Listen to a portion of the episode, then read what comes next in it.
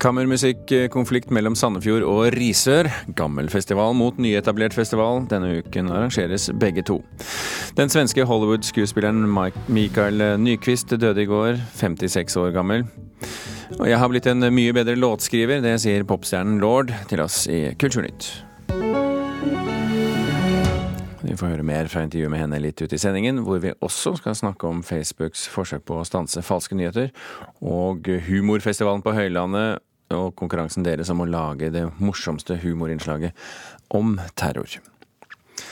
Denne uken åpner to konkurrerende kammermusikkfestivaler på Sør-Østlandet, dvs. Si eh, Sandefjord eh, Fjord Classics. Den startet i går. Risør kammermusikkfestival starter i dag. Festivalsjef Eirik Raude i Risør håper festivalene legges på forskjellig tidspunkt neste år.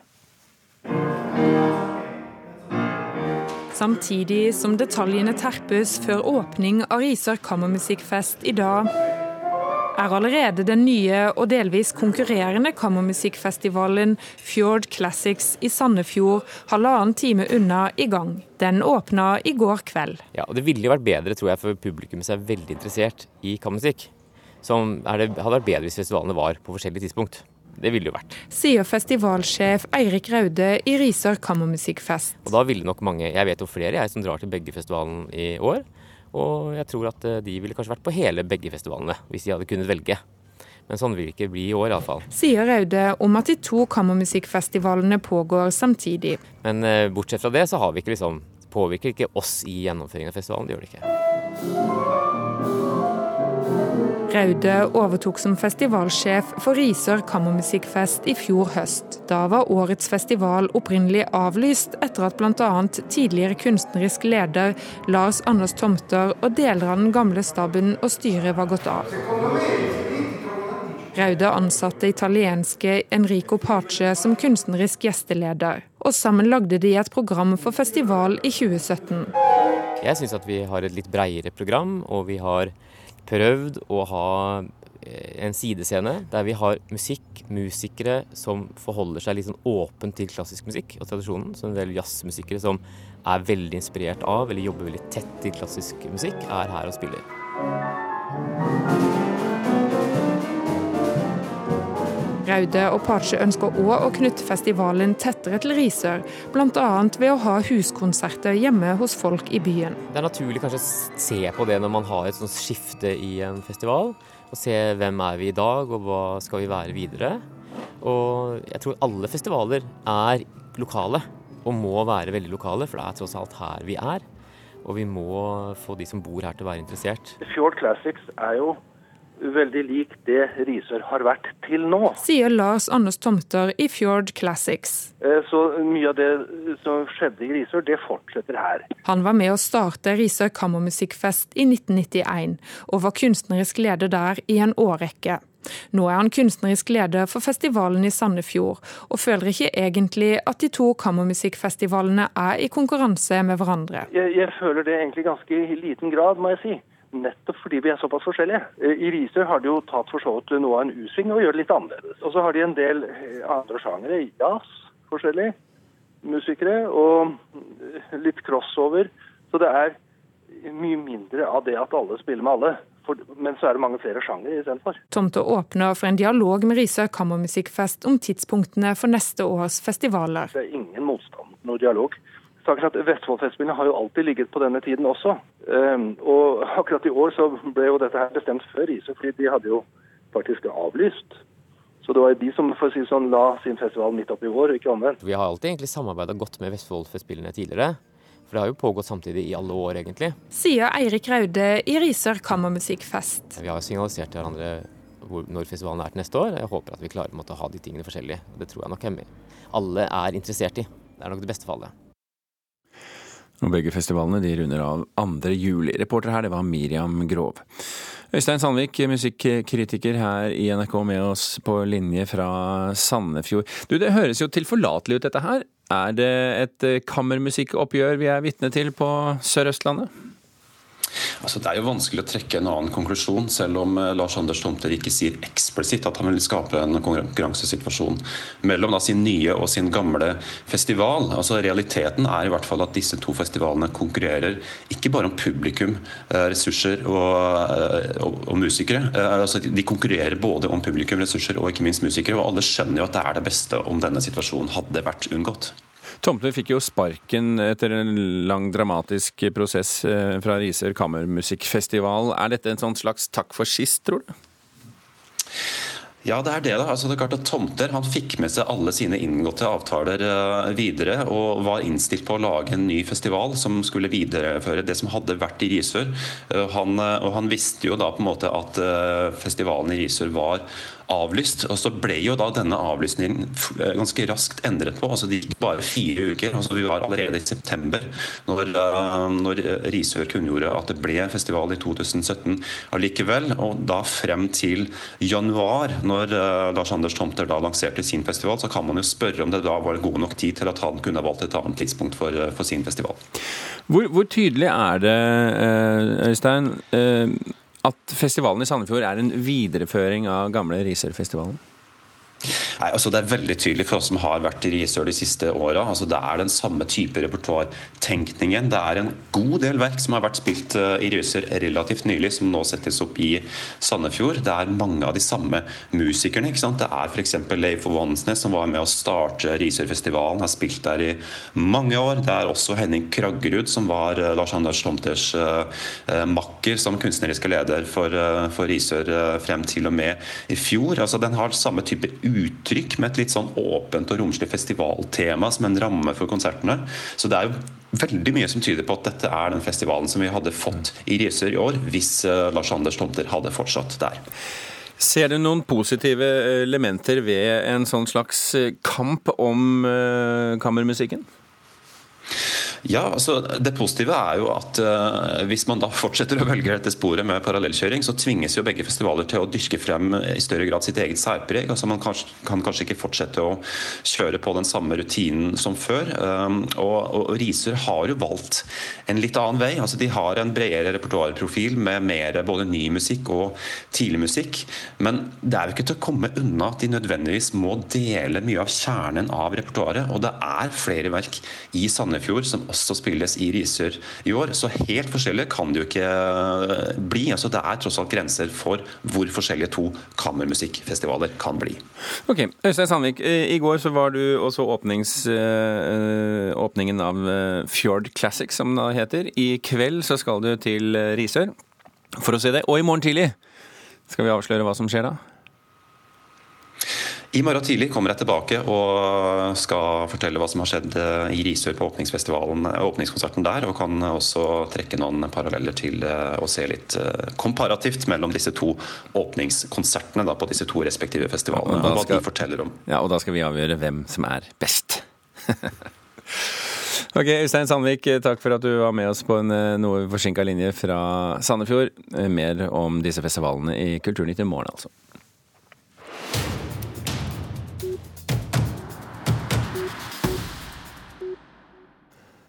Den svenske film- og teaterskuespilleren Mikael Nyquist døde i går, 56 år gammel. Nyquist døde etter lengre tids sykdom. For de fleste er han mest kjent fra rollen som journalist i den såkalte Millennium-trilogien. Hun ligger jævlig risig til. Kommer komme fram med bevis. Jeg kommer komme fram med en alternativ mörder samtidig ska jeg skrive en artikkel som du og dine kolleger kommer tykke er jævlig jobbig å lese. Slik hørtes Mikael Nyquist ut i filmen 'Jenta som lekte med ilden' fra 2009. Her spilte han rollen som den skarpskodde journalisten Mikael Blomkvist i filmatiseringen av den såkalte Millennium-trilogien til forfatter Stig Larsson. Dette var en rolle som åpna mange dører for ham, og to år senere spilte han mot superstjerna Tom Cruise i filmen Mission Impossible Ghost Protocol. Hvor kommer livet på jorden å opphøre? How will the world finally end? Før det hadde han også spilt i den populære Beck-serien og i en rekke andre filmer og teateroppsetninger. Tirsdag døde han bare 56 år gammel etter lengre tids sykdom. Reporter her, det var Oddvin Aune.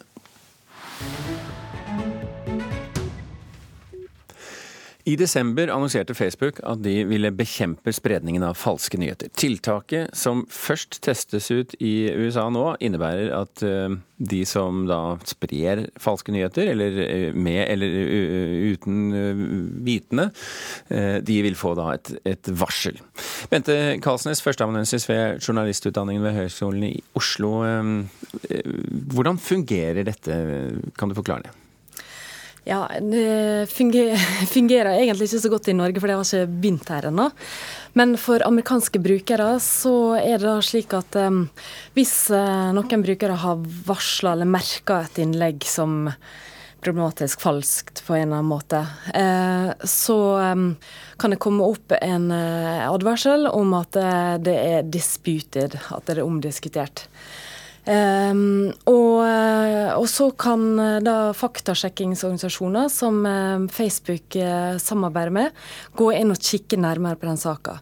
Så hvis da brukerne prøver å dele den saka, så får de opp denne her advarselen. Mm, og Betyr det at hvis de driver stadig vekk og, og sender, publiserer ting som er kontroversielt, vil de da kastes ut av Facebook, eller eh, er det ikke det kommet så langt ennå? Nei, det vet vi egentlig ikke. Nei. Men den type saker kan bli mindre synlig i nyhetsfeeden. Det har vi, har vi, sett at Facebook eh, har gjort. Mm. Reporter her i NRK, eh, Svein Olsson, du har jo sett på hvilke saker som Facebook vil advare oss mot. Foreløpig altså bare i USA, men sikkert i Norge etter hvert. Hvilke saker er det som blir markert? Ja, Facebook har jo ikke villet gi oss noe fullstendig liste, så disse sakene har vi måttet uh, finne fram selv. Uh, ved å uh, søke på nettsteder og finne folk som har fått opp disse varslene. Det er Facebook sa da de lanserte dette, at de skulle starte med det verste av det verste. Og det viser nok denne listen. Det er manipulerte bilder av Obama i håndjern. Det er en sak om at Trumps Android-telefon skulle være hacket, og det skulle være kilden til lekkasjer fra Det hvite hus. Eh, og det er en sak med helt falske sitater fra skuespillerinnen eh, Goldberg, blant annet. Men, men, flere av disse nettstedene som vi har sjekket, det er jo, jo satirenettsteder? Eller i hvert fall folk som sier at de driver med satire? Ja, og her, det er interessant, for her har du hele spekteret. Du har noen som er helt ærlige på at de driver med satire, og så sprer saken seg videre til andre nettsteder som ikke opplyser om dette. Og så har du nettsteder som i etterkant at de er blitt eh, avslørt, legger til en merknad om at jo, jo, men dette er jo bare satire. Og så har du nettsteder som bare opphører å eksistere. De blir helt tomme etter at de er blitt avslørt. Og oppstår kanskje en ny ham et annet sted. Ja, det er mulig. Eh, Kalsnes, eh, har vi sett noen resultater av dette i USA foreløpig? Nei, Det er for tidlig å si det. Men, men det er klart at det, det, her er noe som skjer som en konsekvens av det, det vi har eh, sett eh, fra høsten 2016 og i løpet av vinteren og våren, at det, veldig mange falske nyheter har blitt spredt eh, i sosiale medier, og særlig Facebook. Facebook har vært en effektiv distribusjonskanal for falske nyheter, og Facebook har etter hvert innsett at det har et ganske stort ansvar for å prøve å begrense dette her. Eh, og da er det det her samarbeidet med eksterne faktasjekkingsorganisasjoner som eh, har vært den eh, foreløpige løsninga deres. Mm. Nå fikk, kom jo nyheten det, var i dag eller var det i går, om at Facebook nå har rundet en, nei, unnskyld, to milliarder brukere eh, rundt omkring i verden, og kurven er stigende. Hvordan i all verdens land og rike skal man klare å holde orden på alle disse to milliarder brukerne? Det er, virker jo som en uoverkommelig oppgave. Ja, altså det, det er klart det, det, er utrolig komplisert. Um, og det um, løsninga har vært til nå, den at uh, brukerne får veldig masse ansvar i den forstand at en skal uh, varsle om ting. Når en ser problematiske ting, så først da reagerer Facebook. Men eh, Facebook er jo også i ferd med å innse at de, er ikke bare ei Eh, plattform for eh, spredning av innhold. Det er også en veldig viktig plattform for offentligheten i, eh, i veldig mange land. Og det betyr at da må de kanskje jobbe på litt andre måter enn hva de har gjort fram til nå. Er, er, det noe du har sett, Olsson, som, som kan trekke frem ordet liksom, imponert? Er du imponert over Facebooks arbeid så langt om, mot falske nyheter? Uh, nei, det kan jeg ikke si. Men uh, det er jo ikke alle sakene her som er like åpenbare. Du har jo en sak f.eks. om at uh, Obama skal ha benådet en person som senere begikk et drap. Det er jo ikke en helt usannsynlig nyhet. Obama har benådet mange, men akkurat denne saken er falsk.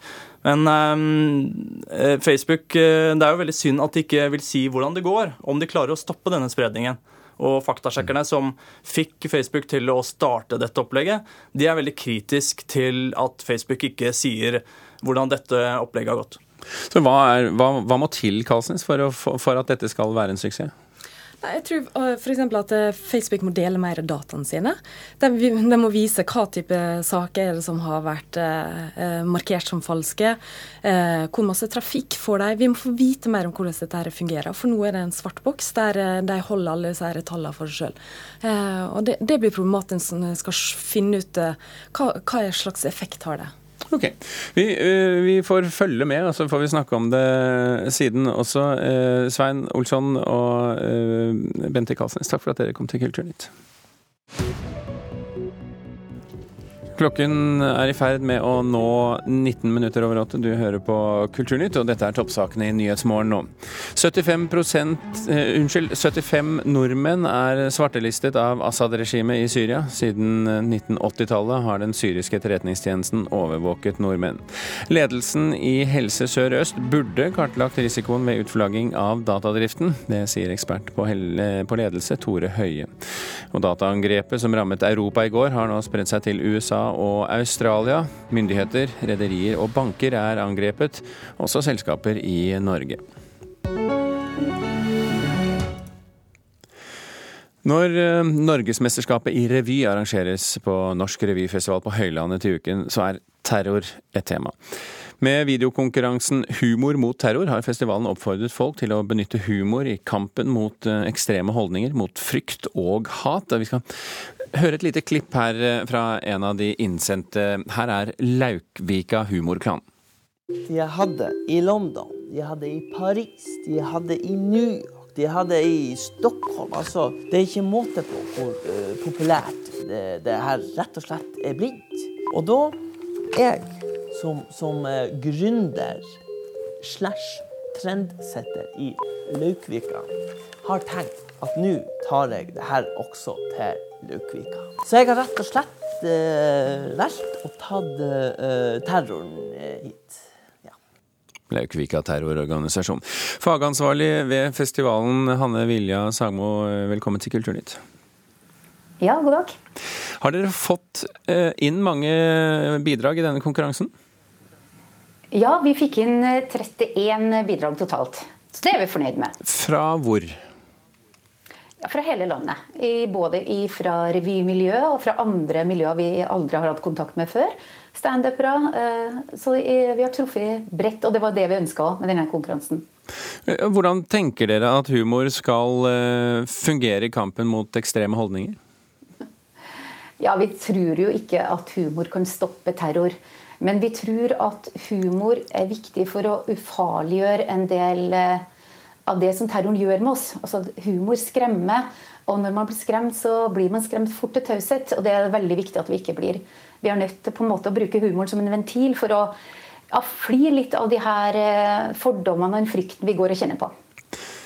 Vinneren uh, kåres jo først i uka, så vi får ikke vite noe om det, åpenbart. Men kan du likevel si noe om uh, hva slags bidrag, hva slags type bidrag dere har fått inn?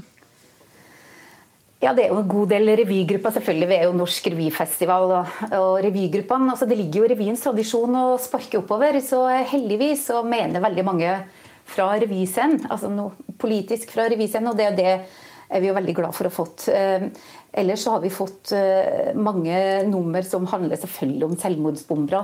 Eh, det er jo veldig uforståelig hvorfor folk velger å ty til sånne handlinger. Og jeg tror at den selvmordsbomberen må på en måte latterliggjøres litt for å forstå uh, hvorfor velger folk å ty til et så ekstremt uttrykk som det å sprenge seg sjøl. Sånn at, uh, ja. Men eh, Vi har litt forsinkelse på linja her, derfor så, så er vi litt uh, usynkrone. Men jeg bare tar, uh, tar um, ordet nå. Um, hva ser uh, juryen etter? Ja, Vi ser jo etter dem som på en måte klarer å bruke humor. Da, for det er fort gjort å bli veldig sånn moralsk og pekefinger når man begynner å snakke om fordommer og frykt. Så vi har prøvd å plukke ut de nordmennene som faktisk har humor. Som klarer å også ha et sånn litt komisk lys på sjøl. Eh, ikke bare fokusere utover og ta alle andre, men også prøve å ta oss sjøl. Fordi at eh, det er mye mørke krefter og mye fordommer som eh, bor i alle, tror jeg, når det kommer til terror. Slik du ser det i dag, har humor stor nok plass i samfunnsdebatten? Nei, jeg tror veldig mange er redd for å bruke humor i, i, debatten. Redd for å bli useriøs eller virke useriøs. Men da må jeg også få lov til å si at humor er jo fryktelig vanskelig. Og det er ikke alle som behersker humorsjangeren. Så du skal jo være veldig god for å kunne bruke humor i debatten. Men når du gjør det med en eleganse og et vidd, så uh, kommer du mye lengre med humor enn et politisk argument. Men, men hvis, uh, hvis, det er så vanskelig med humor i, i den politiske debatten, hva er grunnen til at det har blitt slik, tror du? Yes, jeg tror det blir fort oppfatta som useriøs, dessverre. Eh, Italia har sin Beppe Grillo, altså han er en fantastisk artig politiker. Men veldig mange politikere i Norge sier jo at de tør ikke å bruke humor for å bli oppfatta useriøs. Du, du, du, blir lett å ta hvis du bruker humor. Mm. Dessverre. ok, eh, Vinneren får 25 000 kroner eh, og kan eh, Eh, kose seg med det. Revyfestivalen er altså neste uke, eh, og eh, juryarbeidet er i ferd med å sette i gang. Hanne Vilja Sagmo fra Revyfestivalen på Høylandet, takk for at du var med i Kulturnytt. Takk for at du kom. med.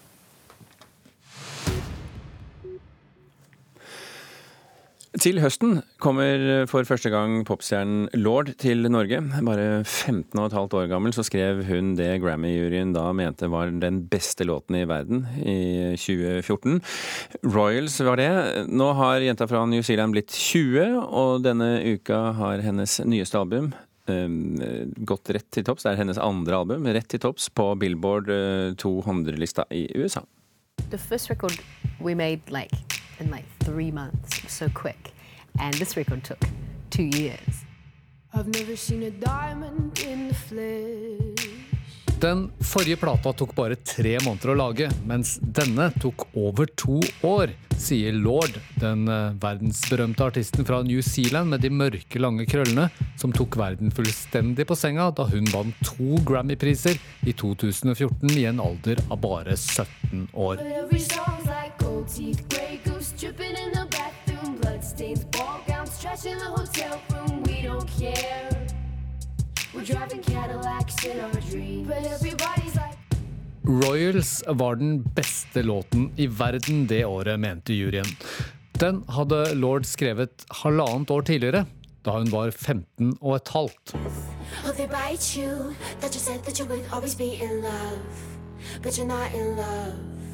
No Derfor, da hun skulle spille inn den nye plata si, 'Melodrama', ble det vanskelig. Ikke pga. forventningspress fra andre, men fra seg selv, sier hun. The difficult taking album thing is very real. Yeah. Um, it wasn't hard because of pressure that people were putting on me. It was just that I wanted to make something really good.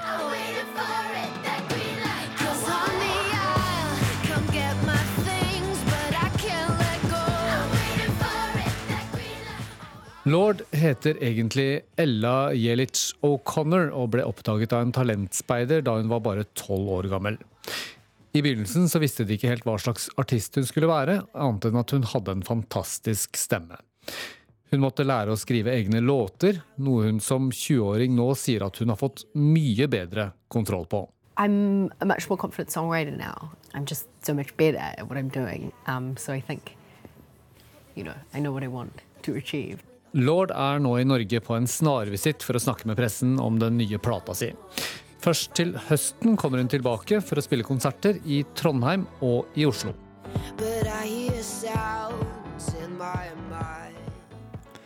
Ja, det var Amanda Strand Askeland som intervjuet Lord eh, her i Oslo. Reporteren du hørte, det var Petter Sommer. Og så blir det mer om Lord i både Dagsrevyen og nrk.no utover dagen.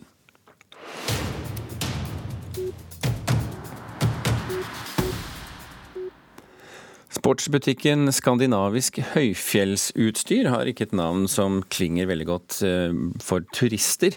Så derfor så har de eh, byttet navn. Det gjorde de mandag morgen. City to Summit er det nye navnet nå, og butikken håper å nå ut til flere som ikke bare snakker norsk. Det er sannsynlig at det er en utvikling vi kommer til å se også hos andre kjeder. Skandinaves høyfjellsutstyr. Skandinavis høyfjellsutstyr. Skandinavisk høyfjellsutstyr selger sportsutstyr til både tromsøværinger og turister. Men det er ikke mange turister som forstår det lange norske navnet. Mandag morgen ble sportsbutikken omdøpt og fikk navnet City to Summit, eller på norsk Fra by til fjell. Vi passerer kanskje 30% med turister, altså i forhold til omsetning. Det sier Steinar Aarberg, som er økonomiansvarlig i butikken. Han kan fortelle at det er et mål med navneskiftet. Ja, det er at vi ikke skal klare å, å treffe enda flere turister, Så kanskje at det er 50-50 turisme byfolk. Nils Kristian Sørheim Nilsen er direktør i Næringsforeningen i Tromsø-regionen. Han mener den økte turismen i Tromsø vil føre til at større deler av næringslivet tilpasser seg turistene. Det er veldig mange engelskspråklige som kommer hit. Eh, og da vil nok både navnene og eh, hvordan du eh, rigger din bedrift være litt retta inn mot det. Vi har jo trodd at midnattssola har vært det som har vært det store trekkplasteret, men nå er jo vinterturismen mye mye større enn sommerturismen. Så det er fortsatt mye å gå på der òg. Jeg skal egentlig ikke bruke det til sånn klatring. Jeg skal feste hengekøyen. Har det kommet noen inn i dag og stilt spørsmål ved denne skiltet, eller? Ja, ja, det er alltid noen som er både litt forferda at de har bytta, og det som kom på sjokk, men vi har stort sett fått gode tilbakemeldinger på, på det. Now, this is a good name. You can guess what you sell. Reporter i Tromsø, det var Therese Bergesen. Nå skal eh, Kulturnytt eh, pakke sakene sine og runde av i denne omgang. Vi gir plass til Dagsnytt og derpåfølgende Nyhetsmorgen, som holder på frem til klokken ni her på denne kanalen. I Kulturnytt i dag eh, har vi fortalt om kammermusikkonflikten mellom Sandefjord og Risør, den gamle festivalen mot den nyetablerte festivalen. Denne uken arrangeres begge to, og vi hører mer om det i Kulturnytt i morgen. Og så fortalte vi om Hollywood-skuespilleren Mikael Nyquist, den svenske som døde i går. Tone Staude og Birger Kålsrud Aasund takker for at du hørte på.